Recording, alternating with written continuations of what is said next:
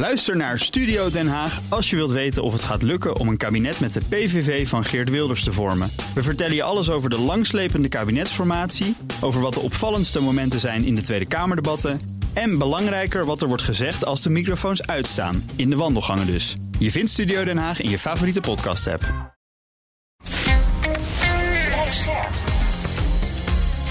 BNR Nieuwsradio. Boekenstein en de Wijk. Hugo Reitsma. Welkom bij Boekenstein en de Wijk. Het is dinsdag dag 713 van de oorlog en ik heb een paar lastige vragen voor jullie, denk ik. Te beginnen Oh, bij ja, Gerben, die vraagt. Die zegt, de rode draad in jullie programma is de veranderende wereldorde. Het verschuiven van de machtsverhoudingen zal onder andere gepaard gaan met oorlogen en handelsoorlogen. Die kanteling lijkt zich momenteel volledig in lijn met jullie voorspelling voor onze ogen af te spelen. Mijns inziens, zegt Gerben, zouden we ons tot het uiterste moeten bewegen om dit ogenschijnlijk onomkeerbare proces van verschrikking een halt toe te roepen. De vraag is alleen welke mogelijkheden we daarvoor hebben. En een optie die hij zou willen voorleggen is het radicaal opofferen van de westerse morele normen en waarden.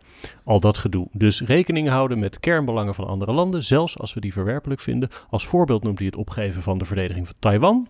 En als voordeel noemt hij dat ja, als Trump weer aan de macht komt, zitten we geheel op een lijn met die man. Nou ja, dat gaat natuurlijk al een beetje heel kort eh, door de bocht. Eh, je moet je eigen waarde nooit opgeven.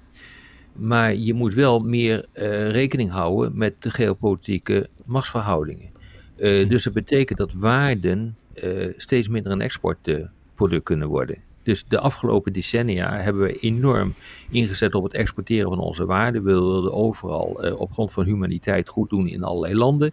Vandaar dat we eindeloze eh, aantallen eh, vredesoperaties zijn gestart. Die trouwens helemaal niet zoveel hebben opgeleverd. Hm.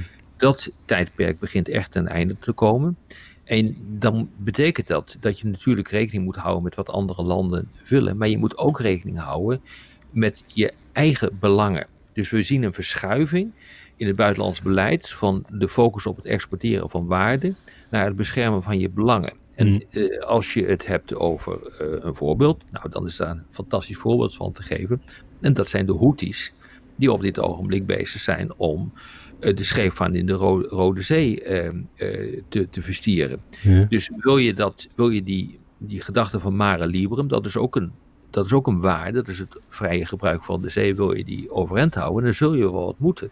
Want dat heeft ook directe consequenties voor de haven van Rotterdam, voor de aanvoer Hmm. van, eh, eh, van goederen. Het is ook gewoon naar een keihard belang, hè? Naast een Ja, waarde. exact. Want Ja. Volvo en Ikea die hebben al gezegd, nou, we schorten onze eh, productie maar even op in, eh, in Europa. Eh, want dit wordt allemaal veel te onzeker. De prijzen die gaan eh, omhoog omdat je om Kater Goede Hoop moet eh, varen. De, dat heeft dus te maken met veel meer benzine of eh, brandstof die je moet eh, gebruiken. Eh, maar ook de verzekeringspremies lopen omhoog. Eh, kortom, eh, het is gewoon niet handig, ook economisch. Dus dat is een economisch belang om uiteindelijk dus ook te kunnen ingrijpen. Dus het is niet maar zo dat je zegt van nou laat de Houthis maar.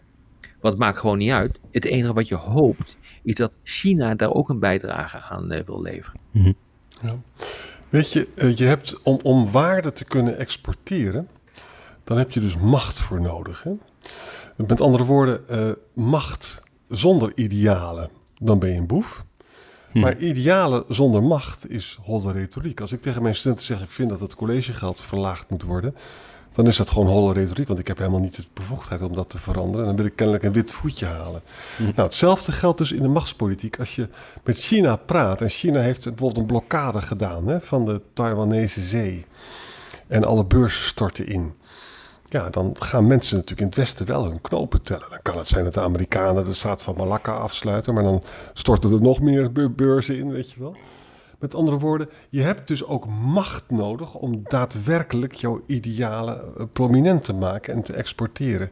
En wij komen steeds meer in een situatie terecht waarbij onze macht eigenlijk afneemt. Nou, Taiwan is een prachtig voorbeeld. Hè? Wij zijn eh, voor onze eh, halfgeleiders, de chips, zijn wij afhankelijk in belangrijke mate van een, eh, een chipsfabriek op Taiwan. 60% van de halfgeleiders, de gewone halfgeleiders in Europa, die komt uit Taiwan. 90% van de meest geavanceerde halfgeleiders stort die boeren in, omdat China het behaagt om dat eiland in te nemen. Om te zeggen, well, ja, dat hoort toch bij het vasteland. is onderdeel van China. Nou is wel genoeg met die rare partijen daar op Taiwan. Mm -hmm. Dan hebben wij een niet te overzien probleem. Dus je kunt niet zeggen van, nou laat Taiwan maar uh, gaan. Uh, zolang je geen alternatief hebt voor die uh, halfgeleiders, en die hebben we niet op dit ogenblik, misschien wel op termijn voor de gewone halfgeleiders, maar niet voor de geavanceerde halfgeleiders, weet je, dan, dan haal je dus je eigen ook, economie hier ook mee onderuit. Dus je, je hebt gewoon geen keus. Dit is Maar- de wereld waarin je leeft. Maar dan heb je het over een invasie en wat dat voor gevolgen zou hebben. Maar stel dat je in, in navolging van het denken van Gerben radicaal transactioneel denkt. En zegt we gooien het gewoon op een akkoordje met die Chinezen over Taiwan. We verraden Taiwan, jammer voor die lui. En dan hebben we allemaal die chips. En ge- geen Taiwan. Nou, de, de vraag is of de Taiwanese bevolking en de, de arbeiders in die fabriek daarmee akkoord gaan. Hmm. Want die zijn door de bank genomen niet zo geweldig dol op dat Chinese systeem. En die zullen dan het beltje erbij neergooien en dan eh, doet die fabriek het ook niet meer. Dus dit, dat ligt allemaal wel even iets gecompliceerder dan hier eh, wordt voorgesteld. Waar ik wel een voorstander van ben, is om zelf ook transactioneler te worden. Dat is ook de reden waarom Hm. ik meerdere malen heb voorgesteld om eh, landbouwproducten in Europa in te zetten voor die transactie. Dus eh, Ja. China heeft bijvoorbeeld een structureel tekort aan eh, landbouwgrond. Het zal ook niet groter worden in de toekomst, alleen maar kleiner. Dat betekent dat ze altijd landbouwproducten moeten importeren. Europa is een van de grootste en belangrijkste landbouwproducenten van de wereld. Dat is een strategische zaak. En denk nou eens een keer niet alleen maar na over eh, de, de consequenties van vergroening en PFAS en, en weet ik veel wat, eh, wat voor alles. Ja. En stikstof. Want dat heeft namelijk gewoon enorme consequenties ook voor de output van eh, de, de landbouw in, in Europa. Ik ben, ik ben ook voor een groene landbouw hoor, laat, laat, laat dat duidelijk zijn. Maar ik ben ook voor een landbouw die je die voldoende kunt produceren, waardoor je dus ook, laten we zeggen, De Chinezen kan chanteren. de, nou ja, jij mag het zo zeggen. ik zou dat allemaal iets, eh, Ja, eh, iets eh, rustiger formuleren, maar daar komt het feit wel op neer, Hugo. En je, je zou ook kunnen zeggen, dat transactionele is er eigenlijk nu ook al. Hè? Neem het voorbeeld van de Oeigoeren. De Oeigoeren worden heel slecht behandeld door China. Daar is er vriend en vijand over eens.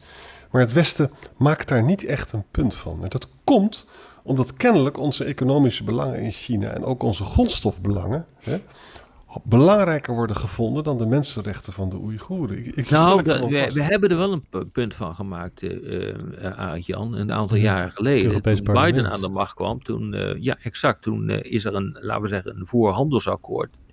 Een technisch akkoord is, eh, is gesneuveld, door die, onder andere door die Oeigoer- Oeigoerse kwestie. Door het parle- Europese parlement die dat niet wilde. Maar daar begint iedereen nu wel heel erg spijt van te krijgen. Dat bedoel ik. Ja. Ja. Ik heb een echte Boekenstein-vraag voor Arend Jan, volgens mij. Ehm, eh, dat is dubbelop. Eh Felix Schone die vraagt: Als Iran nu inderdaad heel dicht bij het fabriceren van nucleaire wapens is, kan dit niet uiteindelijk ook een gunstig gevolg hebben voor de stabiliteit in de wereld? Immers, ik heb van jullie geleerd dat nucleaire wapens bij uitstek geschikt zijn voor afschrikking en ook grotere incidenten tussen kernmachten lijken te voorkomen. Nou, weet je, iemand als eh, Van Kreeveld, hè, dat is een Israëlische professor, ook van Nederlandse komaf trouwens, die vindt dat elke staat een kernwapen moet hebben, want uiteindelijk werkt afschrikken en er is nooit meer oorlog. Ik ben het daar toch niet mee eens. Weet je waarom? Als Iran een kernwapen zou hebben nu, dan heeft het nog minder eh, de neiging om eh, zich te, in te houden in die steun aan al die proxies. Omdat niemand meer Iran kan aanvallen dan. En dat brengt toch een regionale oorlog het Midden-Oosten dichterbij. Het is wel zo, ja, uiteindelijk gaat Iran natuurlijk dat kernwapen krijgen. En, en veel meer landen. De proliferatie is volgens mij in de sterren geschreven. Eh, Ja. Maar liever nu nog even niet, want eh, we hebben nu al zoveel spanning. Wat denk jij, wat denk jij Rob? Nou ja, het is een boekenseinvraag, heb ik net eh, gehoord. Dus ik hoor daar geen verstand van eh, te hebben. Eh, nee, maar kijk, het is natuurlijk evident dat de transitie en de aanloop naar een kernwapen uitermate instabiel is. Ja. Op het moment dat er een kernwapen is, wordt het stabieler. Dat hebben we ook gezien in, tussen India en Pakistan. Daar speelde dat precies zo. Dat hebben we ook gezien in de jaren uh, 40, 50, toen die nucleaire race begon tussen Amerika en, en Rusland. je probeert te voorkomen dat een ander land zo'n zo'n wapen krijgt. Hè. Vandaar dat we die, dat oeverloze gedoe hebben gehad tussen Europa, Amerika en, uh, en Iran, om dat te voorkomen. Maar op momenten dat dat er is, net zoals in, in Noord-Korea, dan is het een feit. En dan wordt in een zekere zin stabieler. Althans, dat is de traditionele uitleg. Het probleem is dat we tegenwoordig met landen te maken hebben uh, die, daar niet, die daar wat anders over nadenken. En het, het gevoel bestaat ook uh, dat een aantal leiders uh, ook wat makkelijker nadenken over de inzet van kernwapens, inclusief, inclusief Poetin. En dat zou ook wel eens een keer kunnen gelden voor Noord-Korea en ook voor Iran. Dus het is niet zeker op dit ogenblik dat het ook daadwerkelijk stabieler daardoor wordt. Het zou ook wel eens instabieler kunnen worden. Ja, wat er mee te maken heeft. Kijk, de geschiedenis tussen Iran en. Sorry, tussen India en Pakistan laat zien dat er heel veel problemen zijn geweest, ook oorlogen. Maar ze hebben niet het kernwapen durven in te zetten. Dus daar, daar zou je kunnen zeggen, dat lijkt erop dat dat stabiel is geworden. Ja. Noord-Korea en ook Iran zijn misschien irrationeler. Hè? Of dat hmm. waar is, weten we allemaal niet. Maar er zijn mensen die beginnen dan over de, de twaalfde imambeweging, weet je wel, de twaalferbeweging. En die zouden dan dus eerder op de rode knop drukken. Als je graag dood wil, dan ja. Ja, ja, ik, ik, moet je zeggen, ik, ik, ik denk dat de Ayatollahs dat niet doen. Maar wat ze wel doen, als ze dat wapen bezitten, dan voelen ze zich sterker. En dan zijn ze niet meer zo bang voor die, uh, voor die Amerikaanse bommenwerpers, bij wijze van spreken, als ze het goed uh, verborgen hebben. Nou ja, dat is een mooi voorbeeld daar, Jan. Kijk, ja. uh, we, we hebben, nou een week geleden hebben we het erover gehad, dat in Iran er tekenen waren dat zij ehm, niet wilden dat er compleet uit de klauwen zou gaan lopen in in het Midden-Oosten. En dus aan die proxies, dus die strijdgroepen in uh, Syrië en, uh, en Irak, de opdracht hebben gegeven om toch een klein beetje te dimmen. Ja. En dat, uh, omdat ze ook erg bang waren voor de reactie van Amerika op, op de dood van die drie soldaten aan, op die basis aan de Syrisch-Jordaanse grens. Um, dus ze hebben wel degelijk invloed daarop. Op het moment dat ze een kernwapen hebben, dan zou je kunnen, je kun, zou je kunnen voorspellen, veronderstellen dat die ehm, Iraniërs minder terughoudend zullen zijn met hun proxies. Ja, dat ben ik. omdat ze dan weten dat ze door middel van die afschrikking van het eigen kernwapen, ja, Amerika op, op afstand te kunnen houden. Ja. Kijk, dat soort redeneren zou je kunnen op, uh, ophangen. Het is allemaal vrij complex, want dat betekent natuurlijk ook dat je moet nadenken over met welke raketten of vliegtuigen die, uh, die Iraniërs dan zo'n bom kunnen inzetten. Hebben ze er voldoende? Maar dat soort redeneringen krijg je dan. Dus het wordt allemaal complexer en het wordt zeker niet stabieler daardoor. Ja, dus die, die stabiliteit door kernwapens, die geldt misschien niet in elke situatie. Nee, exact. niet meer. Vroeger wel, toen ja. uh, de wereld nog simpel was met uh, uh, Rusland aan de ene kant, de Sovjet-Unie ja. aan de ene kant, Amerika aan de andere kant. Dat hield elkaar lekker in evenwicht. Maar nu een, het multipolair wordt, wordt het steeds lastiger. En een multipolaire wereld, kan ik je melden, is veel instabieler dan een uh, dan een bipolaire ja. wereld of een unipolaire wereld met maar één baas Amerika. Maar dan dat, aan, dat, uh, aan, aan, aan, die wereldorde komt nu een einde. Dus die wereldorde wordt sowieso per definitie instabieler. En dan heb je ook nog eens een keer kernwapens die er doorheen fietsen. Gezellig. Fietsende kernwapens. Um, ja. Dan heb ik nog een vraag van Daan. Uh, wel erg benieuwd naar jullie antwoord hierop. Hij zegt: Jullie hebben het vaak gehad over de belabberde situatie van Europa, namelijk geen grote Europese legermacht, moeilijk op te schalen wapenproductie, geen chipindustrie, grote afhankelijkheid van grondstoffen. We hebben daarmee geen leverage en het acteren als geopolitieke wereldmacht brengt daardoor extra risico's met zich mee. Juist daarom zou je ervoor kunnen pleiten om geen rode lijnen bij Poetin te overschrijden als Europese Unie zijnde. Hoe kijken jullie in dit perspectief en met de kennis van nu tegen het associatieverdrag aan dat tien jaar geleden aan Oekraïne is aangeboden. In hoeverre waren Poetins rode lijnen destijds bekend bij de besluitvormers en in acht genomen? En meer in algemene zin, welke belangrijke lessen kunnen we hieruit leren richting de toekomst? Ja, wat belangrijk is hier um, op zichzelf genomen is het een logische redenering dat je over rode lijnen bij Poetin praat vanuit een positie van zwakte vanuit Europa. Dus dat, dat begrijp ik. Waar ik het niet mee eens ben, is dat hier wordt gezegd dat het associatieverdrag toen hè, met Thierry Baudet en zo, dat dat de reden zou zijn dat Poetin is gaan aanvallen. Terwijl er een hele andere verklaring voor is, waar we helemaal de NAVO, maar ook het associatieverdrag van de EU niet nodig hebben. En dat is namelijk dat Poetin een historische interpretatie heeft van uh, Oekraïne, waarin het land gewoon niet bestaat. Dat het een onderdeel is van Rusland zelf. Dus ik, ik geloof nog steeds dat Poetin dat allemaal helemaal niet nodig had. Die NAVO-uitbreiding en ook die, dat associatieverdrag om aan te vallen. Want hij was gewoon. Uh, hij werd helemaal verteerd door de gedachte dat, dat Gorbachev alles had opgegeven. En hij moest de man zijn die weer de orde op zaken zou stellen. En Oekraïne was daar sowieso het slachtoffer van. Hmm. En, en, dat speelt ook vanaf 2014 al. Dat was de eerste poging om het te doen. Dus ik ben met die Mersheimer-theorie ben ik het op dit punt niet eens. Nee, dat ik, ik ook hoor dat dat, dat, dat zo is. Uh, kijk, hij, hij, erkent feitelijk ook niet uh, de regering van uh, Oekraïne als een legitieme regering, omdat hij zegt die is uiteindelijk in 2014 tot, na een staatsgreep aan de macht gekomen.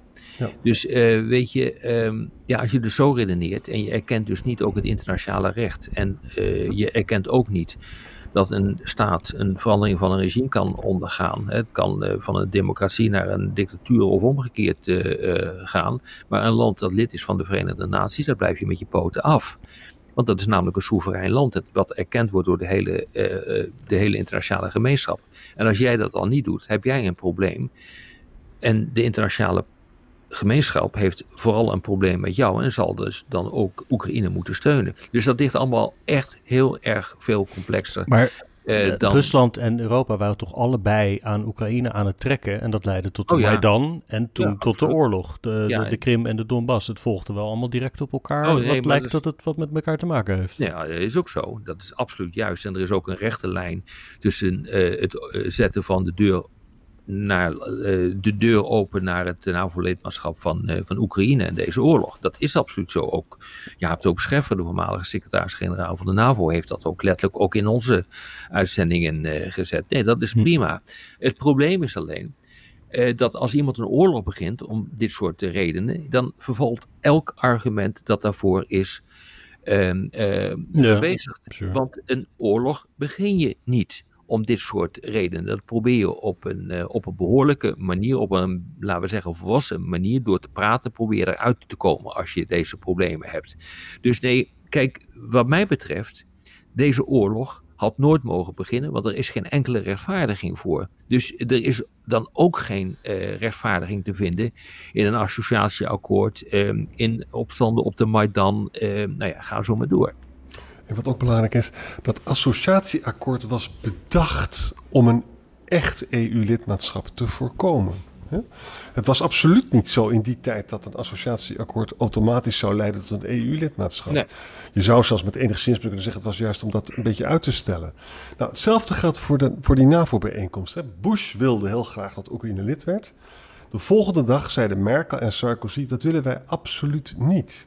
Het is ondenkbaar dat Oekraïne lid van de NAVO wordt. Dus iedereen die een beetje verstand van zaken had en was ingevoerd, wist dat Oekraïne geen lid van de NAVO zou worden. Omdat Europa dat ook, de Europese lidstaten dat niet wilden. Ja. Met andere woorden, dat wist Poetin ook heel erg goed. Er moet dus iets anders zijn geweest dat hem tot deze drieste daden heeft uh, verleid. Nou ja, dat is dus verlies, verlies van de Sovjet-Unie, verlies van het Rijk. En hij ziet zichzelf uh, in uh, de voetsporen treden van Peter de Grote, Catharina de Grote, Ivan de Verschrikkelijke en nog wat van die types die vroeger de dienst uitmaakten in het Russische Rijk. Hij wil gewoon het Russische Rijk. wil die in ere herstellen en realiseer je dat dit iets is wat altijd gespeeld heeft in de Russische geschiedenis. Dat, Rus, dat, dat Rijk is, heeft op en neer geademd met, met de golven van de geschiedenis. Het is groter geworden, het is kleiner geworden en iedere keer was er wat. Mhm. En dus, um, ja, dit is historisch gezien wat hier gebeurt, is heel verklaarbaar.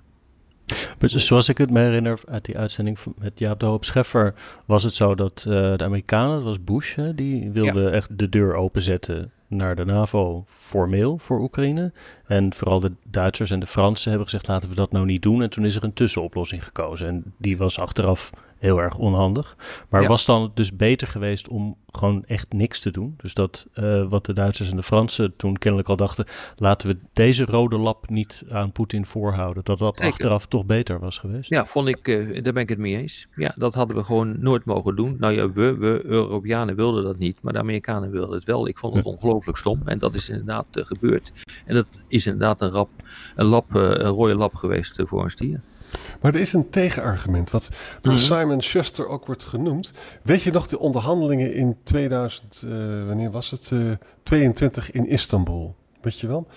En Zelensky was, he- was toen bereid om aan Poetin te zeggen van... wij zijn bereid neutraal te worden als je deze oorlog stopt. Nou ja, dat kon Poetin dus krijgen. Hè? Die kon dus een neutraal Oekraïne krijgen. Nou, dat was fantastisch geweest. Ja. Eh, maar kennelijk wil hij dus meer dan een neutraal Oekraïne. Hij wil dus gewoon een deel van Oekraïne gewoon inlijven. Maar Op hoor eens, eh, hoor eens nogmaals, eh, nogmaals, alles tot je dienst. Al die argumenten, eh, daar zit een kern van waarheid in, maar dat zijn geen redenen om een oorlog eh, eh, te beginnen. Exact. Exact. En Ja. eh, daar zit denk ik het hele grote probleem. Je kan oeverloos doorgaan met het bedenken van waarom eh, dit had moeten gebeuren of dat had moeten gebeuren. Maar al die redenen zijn geen reden geweest om een oorlog eh, te beginnen. Ik bedoel, dat slaat echt nergens op. Dat is 19e eeuws denken van Poetin. Hm. En Ik kan, ook wel, ik kan ook redelijk hier en daar, ik heb dat ook vaak genoeg opgeschreven.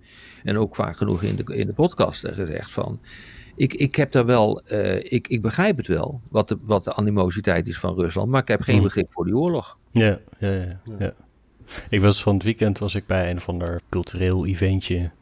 Wat vagelijk ook eh gelieerd was aan Israël en Palestijnse dingen. En om die reden was er een beveiliger bij.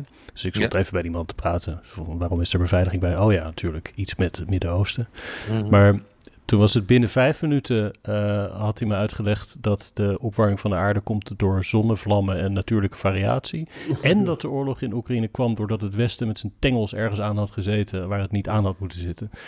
In die zin zie je dat dat ook, eh, als je één meter buiten je bubbel stapt, Ja. eh, hier ook heel erg speelt. Deze Dat is gewoon Russische propaganda. Zo simpel is dat. Ik bedoel, dat, is, dat komt best aan hoor, die Russische propaganda. Die, ja. Het hele idee van eh, dat het, het Westen, inclusief Nederland, ook schuld heeft aan deze oorlog, omdat wij dit allemaal hebben uitgelokt. Dat is een, eh, dat is een, eh, een, Ja. een, een, krachtig idee dat in belangrijke mate gevoed wordt ook door Russische propaganda. Ja. En dan krijg je dus die hele discussie over not one inch. Eh, het boek wat eh, Soroti heeft geschreven, waarin Ja. ze heeft uit, uiteen heeft gezegd hoe dat gelopen is. En not one inch wordt door de Russen uitgelegd van eh, er is een belofte geweest van het Westen dat de NAVO met geen enkele inch wordt uitgebreid. Maar Soroti die heeft heel goed eh, uitgelegd dat er echt nooit een, ehm, een, eh, een harde toezegging is gedaan. Ja, dat had Dus ik moeten dat soort zeggen. De, Ja. dat, het boek Not One Inch, onze discussie ging verder over zonnevlammen. Ja. Maar ja, precies. Goeie boek. Nou ja, Mocht je het is- luisteren, Ja, dat is allemaal hier hetzelfde. nog ja. een boekentip. Ja. Heel goed. Dank jullie wel weer. Graag Tot gedaan. morgen. Tot morgen.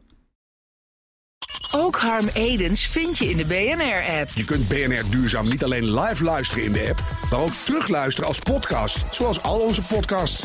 En naast dat de BNR-app Breaking News meldt, houden we je ook op de hoogte van het laatste zakelijke nieuws. Download nu de gratis BNR-app en blijf scherp.